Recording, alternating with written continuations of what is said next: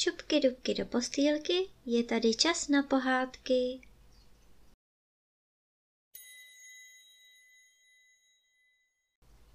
Dnes vám budu vyprávět pohádku o milosrdném psu z příběhu Tisíce a jedné noci. Žil jednou v jednom městě muž a kamkoliv šel, už na něj čekal věřitel a nikde nenacházel klid. Než zůstat, řekl si, je lépe odejít. Opustil všechno, co měl rád a na cestách šel s ním jen starý známý, hlad. Hladový a otrhaný vstoupil do bran neznámého města. Na všech stranách se tu zvedaly nádherné paláce a sladká vůně zahrad se přelévala i přes vysoké zdi, ale vůní se nenasytíš. Chudý muž bloudil ulicemi a všiml si, že do jednoho vznešeného domu vchází mnoho lidí slavnostně ustrojených. V příhodném okamžiku je následoval a dostal se nepozorovaně až do veliké síně, vyzdobené barevnými mramory. V síni právě začala bohatá hostina a vybranému stolování předsedal muž, oblečený do vzácných tkanin a obklopený houfem otroků.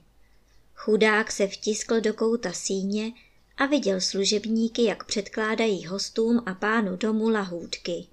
Můj bože, myslel si chudák, kdyby mi podali alespoň nějaký zbytek jídla.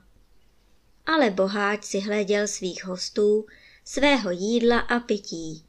Co se děje v koutě síně, ho nezajímalo. A snad tam ani nedohlédl. Ti, kdo žijí v blahobytu a ve štěstí, bývají krátkozrací. Strádání a chudoba dopřává lidem daleký zrak. Nedaleko chudáka vstoupil do síně sluha se čtyřmi loveckými psy. Psy nesli na sobě pokrývky z jemného hedvábí a na krku měli zlaté řetízky se stříbrnými zvonky. Sluha každého psa uvázal ke stříbrnému kruhu. A byli to psy hodní krále.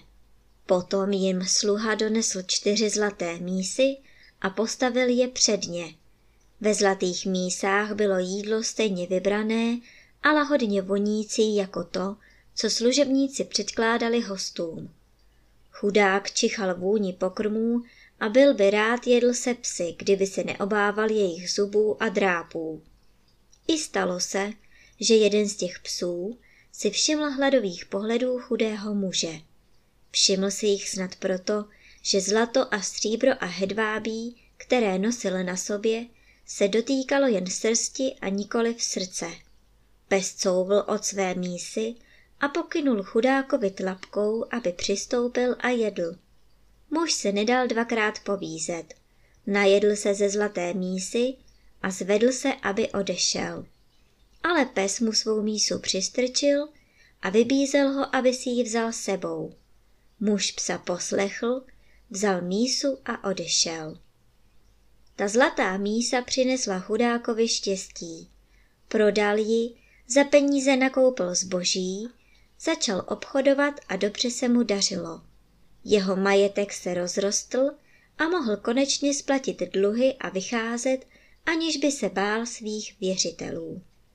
Po čase si řekl, vyhledám město a dům, ve kterém se nade mnou slitoval milosrdný pes a předám jeho pánu dar, aby neměl škodu z toho, co daroval jeho pes. A bývalý chudák, nyní vážený kupec, připravil dar a vyjel po stopách horších dnů svého života. Dojel do toho města a do ulice, kde stál dům. Ale kde stával dům, dnes jenom stíny, havranů létly kolem pobořených stěn. Hledal si dům a našel ze zříceniny. A ty, ty nejsi proměněn?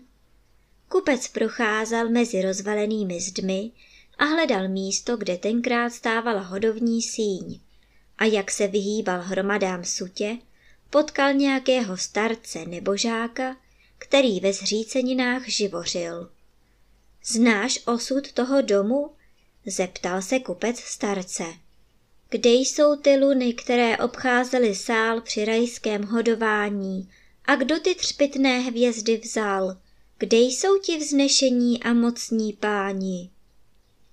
Sám jsem ten dům dal postavit, patřil mi a žil jsem v něm, ale jeho osud podnes nemohu pochopit, řekl stařec.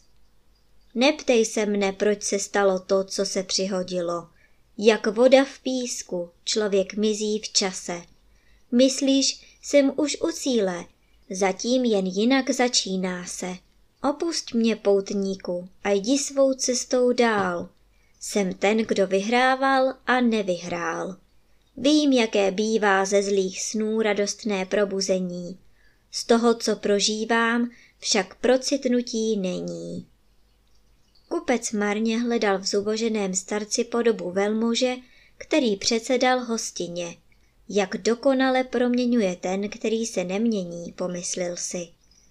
Nemohu odejít, dokud si s tebou nevyřídím jistou záležitost, odpověděl kupec starci a vyprávěl o svém bývalém nuzném postavení a o milosrdném psu, o štěstí a o svém zbohatnutí.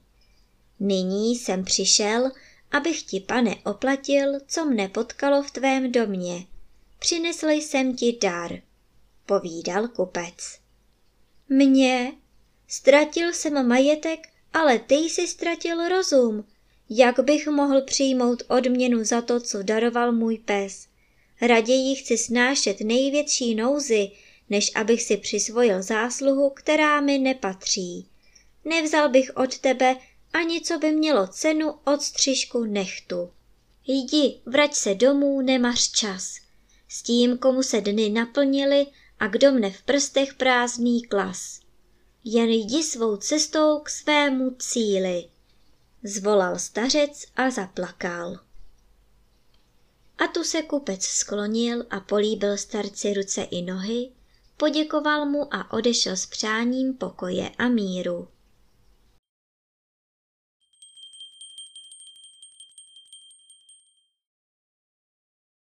A teď už zavřete očička a krásně se vyspinkejte.